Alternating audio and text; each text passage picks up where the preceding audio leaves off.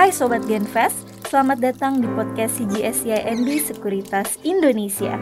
Di sini kita akan membahas seputar pasar modal, update investasi saham, dan juga tips and trik investasi saham untuk milenial. Stay tune terus ya di podcast Berani Berinvestasi bersama CGSCIMB Sekuritas Indonesia. Halo guys, kembali lagi nih di podcast Berani Berinvestasi bersama CGS CMB Sekuritas Indonesia. Kali ini saya Kevin Uta Barat dan partner saya Fanny Suherman. Ini selaku dari Retail Research dari CGS CMB Sekuritas Indonesia.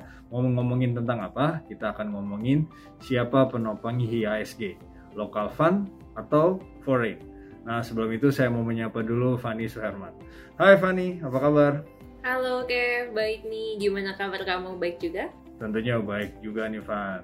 Nah, mungkin Fanny juga di sana juga mudah-mudahan uh, baik juga ya Van ya. thank you, Ya. thank you.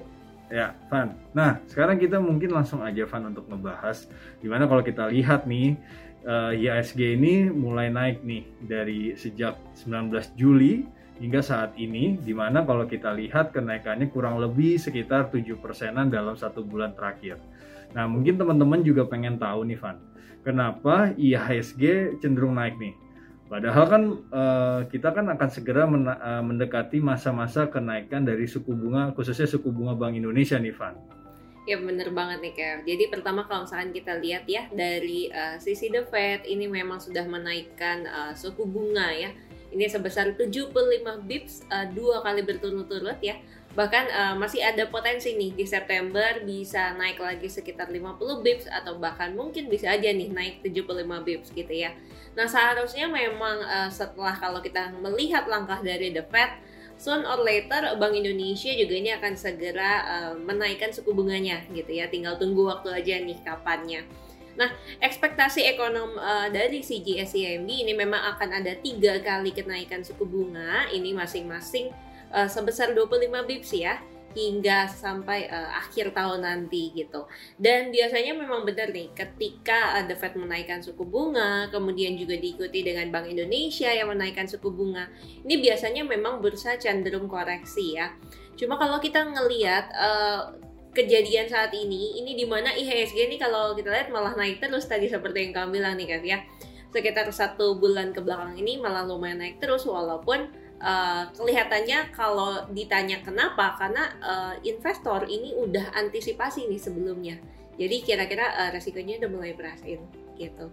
Ya, kalau teman-teman juga pengen eh, tahu juga nih sebelum-sebelumnya juga kita kan eh, men-share juga ya Van ya di BTS, di ADS dan juga kelas-kelas pasti dan tentunya bagi teman-teman yang udah pernah join juga eh, tahu nih hal-hal ekspektasi terjadi kenaikan suku bunga lalu ternyata memang adanya kenaikan inflasi dan di mana kalau kita tahu juga memang eh, risiko dari kenaikan inflasi serta suku bunga ini sudah diantisipasi oleh market sebelumnya ya ya.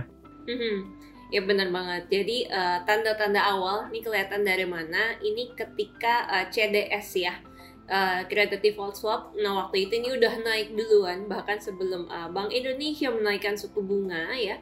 Kemudian yang menarik juga untuk kita bahas ini adalah eh, posisi cash nih dari eh, local mutual fund di mana uh, posisi cash per akhir Juli kemarin itu uh, mereka tuh benar-benar udah di high cash level ya itu sekitar 19% dibandingkan dengan historical average itu sekitar 14% gitu. Nah, jadi yang artinya apa?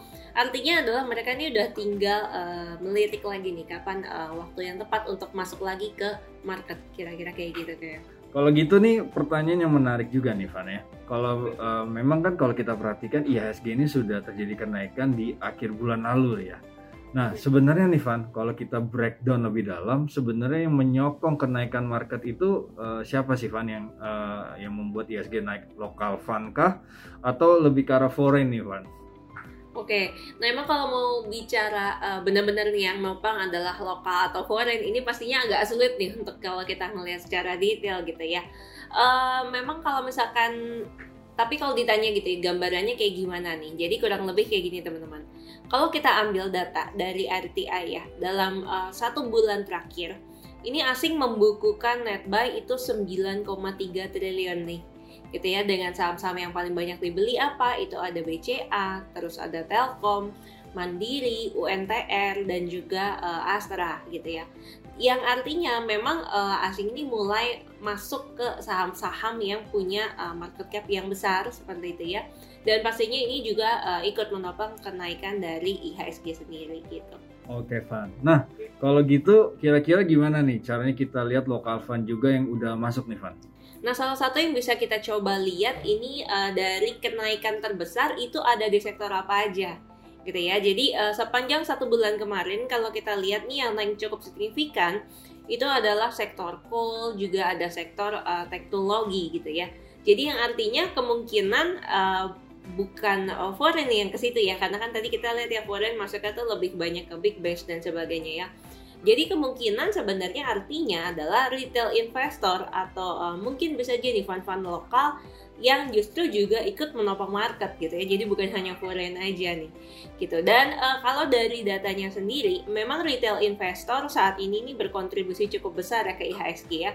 Itu sekitar 40% bahkan ini lebih uh, besar dibandingkan dengan foreign fund yang uh, kontribusinya itu sekitar 39% ke IHSG gitu ya dan uh, menurut ekspektasi kami sebenarnya nih local fund ini ini masih akan terus uh, masuk lagi ke IHSG nih sampai dengan akhir tahun. Oke menarik banget ya Van ya dan mungkin kita juga harus mewatch nih kira-kira mereka akan masuk ke mana aja nih potensi yang untuk uh, kita bisa lirik ya Van. Nah yep. ada tips nggak Van ya mengenai hal tersebut? Nah, uh, kita bisa watch nih ya dari apa aja sih yang udah di underweight banget sama lokal-lokal fund ini gitu. Karena mungkin aja uh, mereka akan mulai ngelirik lagi gitu ya untuk saham itu uh, asalkan syaratnya adalah fundamentalnya itu memang uh, oke okay, gitu ya dari saham-saham tersebut.